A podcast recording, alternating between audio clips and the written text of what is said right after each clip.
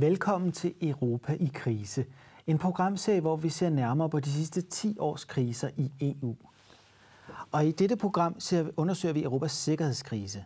For forholdet mellem EU og Rusland har længe været domineret af splid og fjendskab. Og i 2014 udviklede det sig til en dyb og nærmest permanent krise, da Rusland invaderede Krimhaløen. Hvad er baggrunden for krisen, og hvilke udsigter er der til en fredsløsning? Og er det begyndelsen på en ny kold krig i Europa? Det spørger mine to gæster om. Mit navn er Christian Folager. Velkommen til.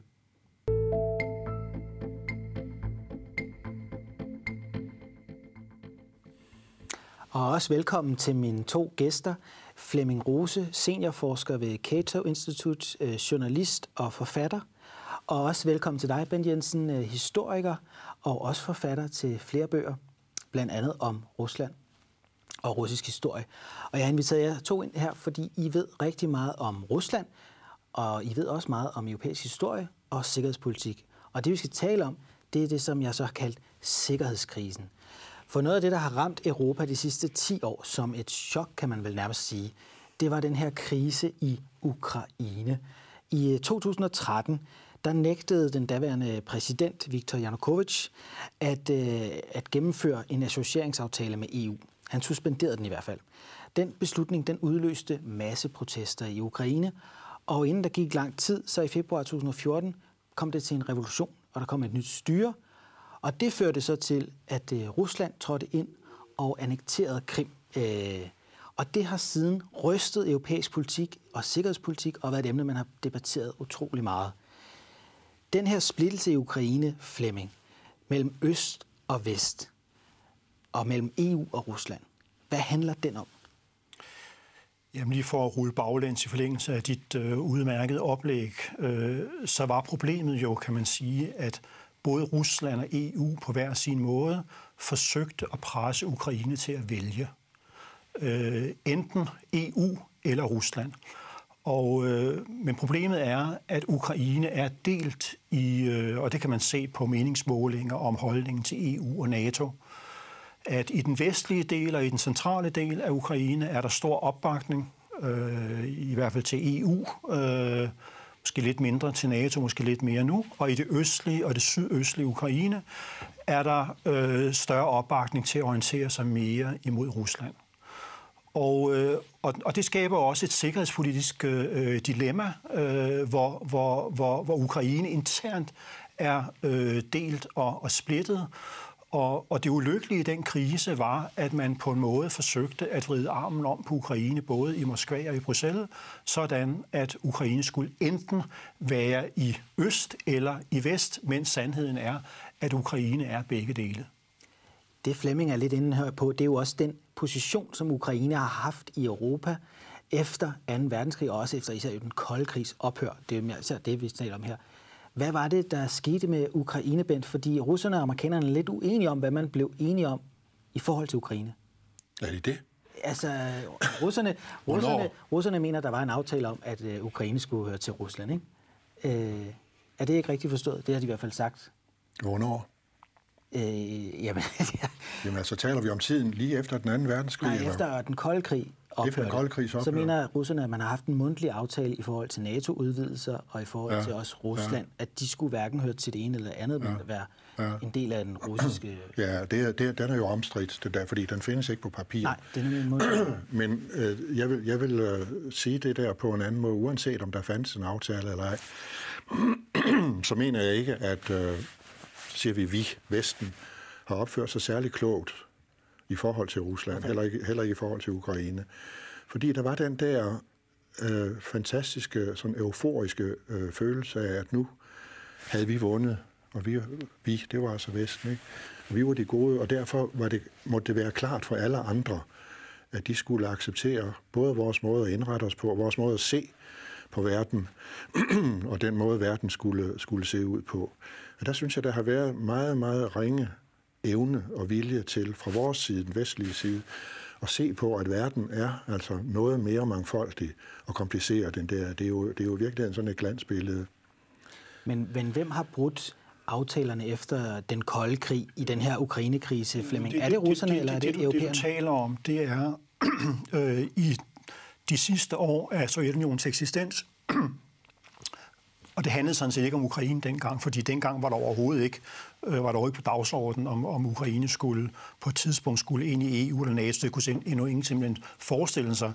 Det, som det handlede om, det var, at der var nogle forhandlinger mellem Mikhail Gorbachev, den daværende sovjetiske præsident, og så øh, øh, øh, øh, Tyskland, Helmut Kohl, øh, Frankrig, øh, Mitterrand, øh, Margaret Thatcher og øh, George Bush, som på det tidspunkt var øh, præsident i USA, om genforeningen, hvis, man, hvis, hvis, hvis Sovjetunionen gik med til den tyske genforening, skulle, øh, og, at, og, et, og et forenet Tyskland skulle være medlem af både EU og NATO, øh, ville Vesten så forpligte sig til, til ikke at udvide NATO yderligere.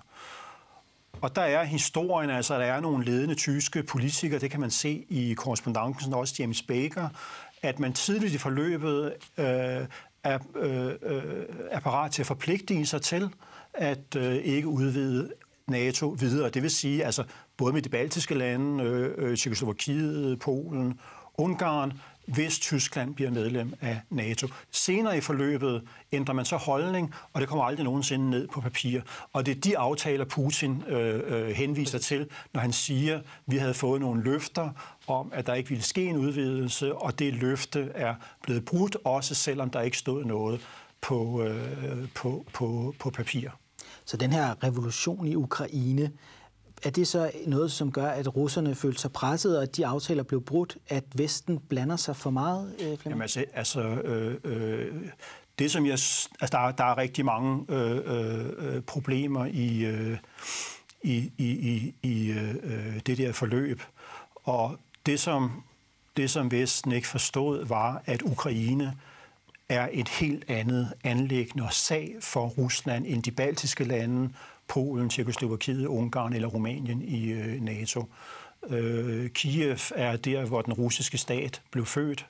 Det er der, hvor den, den russiske ortodoxe kirke engang havde sit øh, øh centrum. Øh, øh, Ukraine og Rusland er meget tæt på hinanden, kulturelt, historisk, øh, øh, religiøst.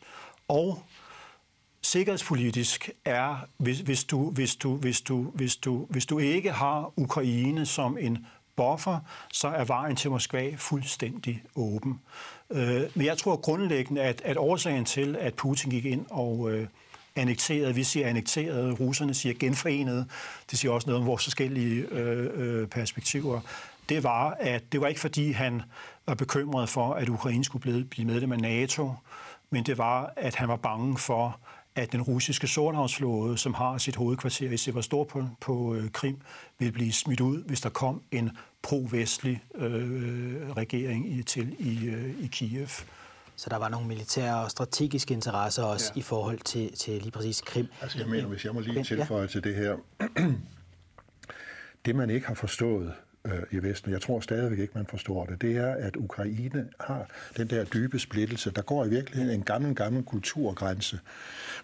ikke, ikke lige midt ned gennem Ukraine, lidt til højre, når vi ser sådan på det som går det der. Men en gammel, gammel kulturgrænse, og der, der er åbenbart de fleste vestlige politikere, de ikke tror på, at kultur og religion spiller nogen rolle, så, kan så er det for dem uforståeligt. Ukraine, det er Ukraine, ikke? Sådan som det var, da det var en sovjetrepublik. Men det er det ikke. Det er et dybt øh, splittet. Så de skal måske læse Samuel Huntington, fordi han forudså jo netop, ja. at lige præcis Ukraine vil blive splittet øh, mere eller mindre på midten ja. mellem den russiske civilisation og så den ja. europæiske. Den, Var den det katolske, katolske også, også, ja. Men er, er det rigtigt set? Ja, det mener jeg helt ja. bestemt. Der, det går, som Flemming også er inde på. Man kan se det i meningsmåling, man kan se det ved valg, valgafgivelse, man kan se det øh, i stort som i småt, at der går den der gamle kulturgrænse. Hvis vi skal prøve at kigge lidt tilbage også øh, fra perioden efter den kolde krig, hvordan har forholdet mellem EU og Rusland så udviklet sig? Fordi man har jo en række aftaler, der formaliserer det. Øh, man prøver også at samarbejde. Men det er som om, der på et tidspunkt også opstår øh, mistillid, Flemming. Øh. Ja, altså man begynder jo sådan set, at du kan sige, da Sovjetunionen går i opløsning, og den marxistiske, leninistiske øh, forestillingsverden hos den sovjetiske ledelse desintegrerer og krakelerer, og man ligesom ikke har noget at sætte i, øh, i, i stedet, så hører man den russiske udenrigsminister på det tidspunkt sige, at vi har sådan set fuldstændig sammenfaldende interesser med Vesten. Der er ikke nogen forskel. Det er selvfølgelig naivt og, øh, og forkert, for selvfølgelig er der forskellige øh, interesser. Men det betyder sådan set, at Vesten, eller at Rusland i de første år øh, orienterer sig imod Vesten. Øh, og, og, og, øh, og, og, og Jeltsin, daværende præsident, indgår en associeringsaftale, jeg tror det er 93 eller 95 med øh, EU. Øh, og både Gorbachev, Jeltsin og Putin øh, siger eksplicit eller udtrykker eksplicit et ønske øh, om at blive medlem af NATO. Øh, og når det bliver sagt, øh, så, så bliver der sådan stille omkring bordet, og vestlige ledere kigger ud af vinduet, som om de kan høre, hvad der bliver sagt, og, og siger, om okay, hvis det, så må I stille om bag i køen, og så videre. Ikke? Og det ender grundlæggende med, og, og det tror jeg er altså en, en, noget helt fundamentalt i, i, i, i den her kollision, der er mellem Vesten og Rusland, at Rusland har siden etableringen af det europæiske øh, statssystem for nogle hundrede år siden været en europæisk stormagt, som har siddet med ved bordet og haft indflydelse på spørgsmål om krig og fred. Sådan var det efter Napoleonskrigene, sådan var det øh, efter Første verdenskrig i begyndelsen med trak Sovjetunionen sig ud, og sådan var det også efter 2. verdenskrig. Og nu er man pludselig i en situation, hvor alle afgørende spørgsmål om sikkerhed og samarbejde i Europa bliver truffet af EU og NATO, hvor Rusland ikke er medlem. Det er simpelthen en unaturlig situation, at du har en europæisk stor, stormagt, som ikke har noget at skulle have sagt øh, i noget som helst, hvad angår sikkerhed og samarbejde i Europa. Og på et tidspunkt, i lang tid, prøvede man så at, at, at, at, at arbejde imod øh, integration og, og så videre. Og på et tidspunkt, så skete det der tillidsbrud. Øh, hvornår, og så, hvornår skete det? Ja, det kunne jeg godt tænke mig at spørge Putin om, ja. altså øh, hvornår det rent faktisk er. Det er jo en gradvis bevægelse. Det løbet af noget, øh, og, og, og i den der berømte øh, München-tale, jo, som i 2007, hvor han ligesom angriber USA for at, at, øh, at, at diktere andre lande øh, verdensorden, siger Putin rent faktisk også, han hilser Berlinmurens fald velkommen og siger, at det var også et valg af det russiske folk øh, til fordel for demokrati og, øh, og, og, og, og, og, og, og frihed. Men jeg tror, det er en gradvis bevægelse, men der er ingen tvivl om, at i dag øh, øh, ser Rusland det ikke som sit mål at blive integreret med, øh, med Vesten. Nu, vil man, nu, nu, nu, nu ser man mere en eller anden form for balancering ser sin rolle som en, som en, som en balancerende kraft imellem Vesten og Kina, øh, hvis man skal sige det meget kort. Det er jo i hvert fald også det, Bent, øh, når vi ser på forholdet mellem EU og Rusland og NATO og Rusland. Der har været den her periode, hvor man har samarbejdet, indgået officielle aftaler, man op, opretter råd, hvor man mødes og diskuterer for eksempel sikkerhedspolitik. Men et er, at øh, de vestlige ledere kan være i chok, når Putin så siger, at vi vil gerne med i NATO. Øh, der er jo også vestlige ledere, som faktisk har øh, sagt, at de ønsker, at øh, Rusland for eksempel skulle med i EU. Det har Berlusconi sagt flere gange. Schröder har været inde på noget lignende, den tidligere tyske kansler. Men russerne i deres egen selvforståelse, kan de være med i EU og NATO? Vil de ikke... Det mener jeg ikke. Hvorfor jeg ikke? Ja, fordi det er for stort. Det vil jo fuldstændig kuldkaste den balance, der er mellem de nuværende Øh, EU-lande. Altså, Rusland er, selvom det, det er skrumpet noget, der bor stadigvæk omkring 145 millioner mennesker. Og det vil, øh, det vil skabe en helt anden balance. Jeg mener, det er, det, er ikke, det er ikke realistisk, men det betyder ikke, at man ikke kan have et tæt og forpligtende samarbejde mellem EU-landene på den ene side og Rusland på den anden side. Man behøver jo ikke at være medlem. Nu kan vi se, at England er gået ud. Jeg forestiller mig da også, at der, der vil fortsat være et meget tæt samarbejde mellem både økonomisk, men også politisk, måske også militært. Og det har vel været et øh, afgørende spørgsmål i europæisk historie de sidste 200 år, vel, og især siden Tysklands samling i 1870. Altså magtbalancen i Europa. Rusland er meget, meget stort og naturligt dominerende. Det er Tyskland også, og Tyskland er jo blevet samlet efter den kolde krig. Er det også et spørgsmål om, at vi nu gennemlever Bent, en form for rebalancering? Russerne er på vej tilbage, tyskerne er på vej op, øh, og amerikanerne, som har været siden 2. verdenskrig, de er på vej ud. Ja, men altså, EU er jo en papirtiger, for at sige det rent ud. Og det, og det bliver det i endnu højere grad nu, hvor England øh, øh forlader, eller Storbritannien forlader EU. der har været, hidtil har der været to øh, militære magter af nogen betydning. Det var, det var Storbritannien og Frankrig.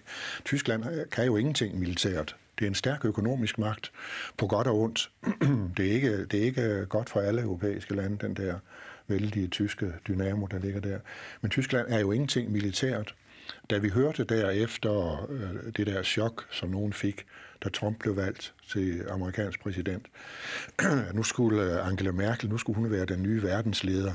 Det kunne man jo ikke øh, tage alvorligt. Altså, det er jo at at grine af. Men hvad, hvad har Tyskland? Jeg nær sagt, at man har lyst til at citere Stalin der, hvor mange divisioner har paven, fordi altså, på den måde er, er Europa jo meget, meget lidt. Hvis I lige er begyndt at følge med derude, så taler vi her om sikkerhedskrisen. Mit navn er Christian Follager, og jeg har besøg af Bent Jensen, historiker og forfatter, og Flemming Rose, seniorforsker ved Cato Institute, journalist og forfatter, og begge har stort kendskab til Rusland. Og øh, vi har talt meget om den her krise omkring Ukraine øh, og europæisk sikkerhedspolitik. Det er vel også et spørgsmål om, at Rusland så at sige også prøver også at lave deres egen konkurrerende model til EU, den her euroatiske union. Øh, hvad er det for noget, Flemming? Jamen det er, som du selv siger, det er Ruslands svar på øh, EU. Når man ikke kan blive integreret med EU, øh, så forsøger man at skabe sin egen øh, blok. Og, og, øh, og hvis vi går tilbage til udgangspunktet, øh, Ukrainekrisen der i 2013 og 14, så var et af problemerne rent faktisk, at daværende EU, øh, eller kommissionsformand øh, Manuel Barroso, ikke ville tale med den øh, euroasiatiske øh, union som en, en, en, øh, en ligeværdig partner. Øh, Øh, og det, det tror jeg var en meget stor fejl. Øh, øh, jeg kan ikke huske, hvor mange lande, om det er seks-syv øh, lande, der er med, men det er et forsøg på at skabe en intern øh, frihandelens øh, zone. Og hvis vi taler om den dominerende rolle, øh, Tyskland har i EU, hvor der er 80 millioner tyskere, ikke? og det næststørste land har måske 65 millioner, så taler vi altså her om, som Ben sagde, et land med 145 millioner, hvor det næststørste land har under 40 millioner indbyggere. Ikke? Så, så, så, så det er øh, selvfølgelig enormt domineret af øh, øh, øh, Rusland. Og det er også den splittelse, vi så så omkring Ukraine. Russerne vil have dem med i den her eurasiske union, og EU vil have dem med i EU, eller vores økonomiske blok, og man har så ikke ønsket fra EU's side at samarbejde. Øh, er det en del af, af den her konflikt? Ja, ja altså... Det er en det var, det, var, det, var, det, var, det var et langt forløb, ikke? Øh, og Putin sagde faktisk på et tidspunkt i forløbet, at hvis Ukraine vælger at få den her... Det, det var ikke fordi Ukraine skulle blive medlem af EU, det tror jeg aldrig nogensinde Ukraine bliver, men det var fordi man skulle have en associeringsaftale med øh, EU. Ikke? Og den store fejl i EU, det var, at man ikke, øh, og især i Tyskland, det var, at man tog ikke øh, øh, den bekymring, som russerne gav udtryk for, alvorligt. Man sagde bare, at det handler ikke om jer, selvom øh, Ruslands og Ukraines økonomi er, var dybt flettet ind i hinanden, øh, og, at, og, og russerne sagde, at hvis I gør det, så er vi nødt til at tage nogle foranstaltninger for at beskytte vores eget marked, og det vil komme til at ramme den ukrainske økonomi øh, hårdt. Det vendte man bare det døve øre til, øh, fordi man, man var bange for, at man havde den der forestilling om, at det var et forsøg fra russisk side på at vride armen om på Ukraine og diktere øh, spillereglerne. Ukraine var et suverænt land, og det ville Rusland underminere osv. Og det kan godt være, at der er noget om det, men altså i den virkelige verden, så var det sådan, at Ruslands og Ukraines økonomi var meget, meget tæt flettet sammen. Og desværre har det været sådan, at den ukrainske økonomi jo nærmest øh, blev lagt i ruiner i forlængelse af den der krise. Altså to år i træk havde man et fald i BNP, tror jeg, på over 10 procent. Det er jo gigantiske øh, øh, øh summer. Man har haft en øh, affolkning, hvor jeg tror, der er omkring halvanden million ukrainere, der er udvandret til Polen, og der er en anden halvanden million, som er udvandret til Rusland for at øh, arbejde. Så det har været en kæmpe tragedie for øh, Ukraine, at man ikke kunne finde ud af at håndtere den der konflikt tilbage i 2013 på en civiliseret måde. Ja. Bent, øh, hvis vi kigger øh, på forholdet mellem EU og Rusland og NATO og Rusland, så har det jo været suspenderet siden 2014. Man har indført sanktioner fra europæisk og vestlig side mod Rusland. Er og krigen øh, ulmer jo stadig i Ukraine. Der er sådan set stadig en konflikt. Mm. Men er Rusland en øh, sikkerhedsrisiko for Europa? For vi hører jo ikke meget til det for tiden. Der var jo enormt øh, spektakel dengang, og man mm. talte om en mulig storkrig. Ja. Nu hører vi ikke meget til det. Er, det. er det på vej til at blive normaliseret forholdet igen mellem EU og Rusland og Vesten og Rusland? Altså, jeg vil lige før jeg øh, kommer, jeg vil gerne sige noget om det der, så vil jeg lige sige, jeg mener, EU's øh, politik, den er ikke seriøs. De der sanktioner mod, øh, mod Rusland, de, øh, de virker jo ikke. Man har, man, har, man har malet sig selv op i et hjørne. Øh, man vil aldrig nogensinde kunne tvinge et land som Rusland i knæ ved hjælp af økonomiske sanktioner. Og øh, med hensyn til, øh, til selve Krim-spørgsmålet, som jo er noget meget særligt, meget, meget særligt, fordi det er jo, befolkningen der er jo, flertalsbefolkningen er russisk, og det har aldrig været en del af, af Ukraine, bortset fra dengang Khrushchev synes, at de skulle have det som en fødselsdagsgave. Øh, der er jo ingen, der tror på, at man kan løse, man kan, få, man kan få Rusland til at forlade hverken Krim eller få den til at gå i knæ ved hjælp af de her sanktioner. Så jeg mener, EU, altså også, vi har, vi har mindst lige så stort et problem som Rusland for at komme ud af, af den her krise. Men til dit direkte spørgsmål, jeg mener ikke, øh, at Rusland, hvad skal vi kalde det, er aktuelt er nogen øh, trussel mod os, mod Vesten, mod Europa. Jamen altså, jeg henholder mig blandt andet til øh, øh, vores lands øh, bedste ekspertise på det der område. Det er jo Forsvars efterretningstjeneste, som laver de danske officielle trusselsvurderinger. Selv når man ser den sidste øh, FE-vurdering, øh, så er det altid et eller andet med, at der er en mulighed, og på længere sigt, og man kan ikke udelukke osv. Men en helt aktuel trussel, det er der, der er ingen, der tror på. Hvad tror du, Flemming? Er, er, er Rusland en, en sikkerhedsrisiko for Europa? Som du vil kalde det en sikkerhedsudfordring, en sikkerhedsrisiko eller en sikkerhedstrussel. Altså faktum er jo, at, at, at, at Rusland og EU og USA er på kollisionskurs. Øhm, jeg er enig med Bent i, at jeg betragter ikke Rusland som en militær trussel mod os. Øh, jeg forstår godt, at man er bekymret, hvis man sidder i de baltiske lande, øh, eller hvis man sidder i Ukraine eller i øh, Georgien. Men jeg vil bare minde om, hvis vi går seks år tilbage, der er nu gået, der er gået seks år nu øh, faktisk, øh, øh, siden det her det skete. Ikke? Dengang sad folk jo i øh, Deadline-studier og andre steder og sagde, at de ville væde på, at inden to år så stod den russiske her i Kiev. Øh, general Britlov, som var øverstkommanderende for NATO, sagde, at Rusland ville gå hele vejen gennem Ukraine og tage en bid af Moldova. Øh, man sagde, at der ville dukke små grønne mænd op i de baltiske lande. Det er ikke sket. Og derfor synes jeg, at det er på tide, at vi begynder at spørge os selv, Hvorfor er det ikke sket? Er det fordi NATO har etableret en, en afskrækkelsespolitik, som har fået Rusland til at ændre planer, eller er det måske fordi Rusland aldrig har haft de planer? Øh, øh, jeg tror mere, at Rusland, øh, øh for at kunne forstå det, så er man nødt til også at sætte sig i russernes sted. Og, og, øh, og selvom vi ikke selv vi, NATO er en forsvarsalliance, EU er ikke, øh, har jo ingen ambitioner om at erobre fremmede lande, men ikke desto mindre øh, set fra Moskva, så udgør de to organisationer en, en trussel øh, eller en risiko mod vitale russiske interesser, som er baseret i det, man kalder det nære udland. Det vil sige det tidligere Sovjetunionen. Jeg tror, når det kommer til stykket, så kunne Vesten og Rusland i virkeligheden øh, finde ud af at løse og håndtere stort set alle konflikter, undtagen dem, der handler om, hvad der skal ske i Ruslands nærområde. Hvor konflikten er, at Rusland siger, at vi er en stormagt, vi har vitale interesser i Ukraine, vi har vitale interesser i, øh, i Georgien øh, og i de andre nære, øh, nære områder, og derfor vil vi have en indflydelse på, eller vi vil sidde med på bordet, når det bliver afgjort, hvordan de der lande skal indrettes sikkerhedspolitisk. Hvor Vesten siger, det handler slet ikke om jer, det skal I slet ikke øh, blande jer i, øh, det skal vi nok selv finde ud af, hvordan vi håndterer.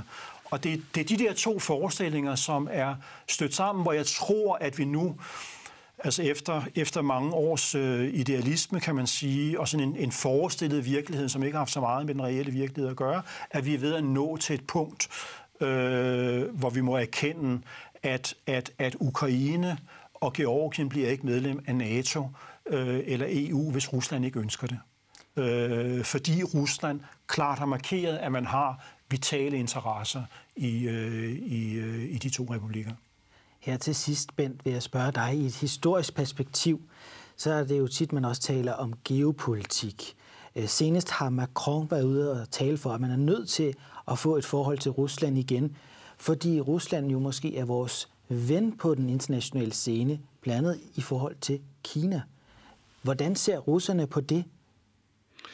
Jamen det er, altså, ja, som jeg har sagt før, jeg synes, vi har været med til at forsure hele forholdet til Rusland. Hvis man ser for eksempel på ledende amerikanske politikere, især det demokratiske parti, de omtaler øh, Rusland øh, ikke som en rival, øh, ikke som en modstand, men faktisk som en fjende. De bruger ordet enemy. Russia is our enemy. Og der findes desværre også i, på den russiske side, der findes der også nogle øh, formørkede mennesker, som øh, i hvert fald kommentatorer, som, som optræder i tv og de trygte medier, som også siger, at altså NATO er, USA er vores fjende. Ikke? Og der er ovenkøbet nogen, der siger, at vi er allerede begyndt på den tredje verdenskrig. Okay. Det er den, der foregår nu.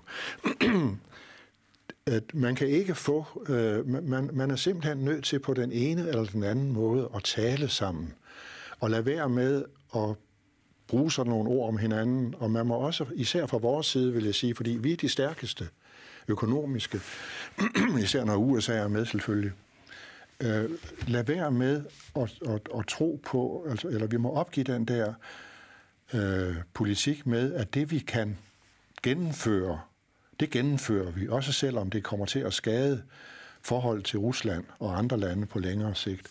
Det, det, det er det, jeg egentlig synes, der har været så øh, karakteristisk. Nu er jeg tilbage til det, jeg startede med, at øh, der var denne her forestilling om, at vi altid havde ret. Vi havde meget, meget svært ved at se tingene, hvordan de kunne se ud fra den anden side. Og dermed har vi været med til at forpeste det her forhold, som i virkeligheden også skader os selv. Så det må vi jo så se, om man vil kunne løse fremadrettet, men der er i hvert fald en konflikt, men der er på begge sider også nogen, der taler for at, at løse den, eller i hvert fald ønsker at normalisere forholdet igen. Og så er der måske også nogen, der har en interesse i at tale konflikten op af indrigspolitiske årsager, eller hvad det nu kan være. Men øh, vi må jo se, hvad der sker med den her sikkerhedskrise, som jeg så har kaldt det, om den løser sig selv i løbet af de næste 10 år. Jeg vil sige tak, Flemming, for at du kom her og gjorde os klogere. Også tak til dig, Bent, øh, for det samme. Og tak til seerne derhjemme for at følge med. Husk, at vi snart er tilbage med en ny krise her på kanalen.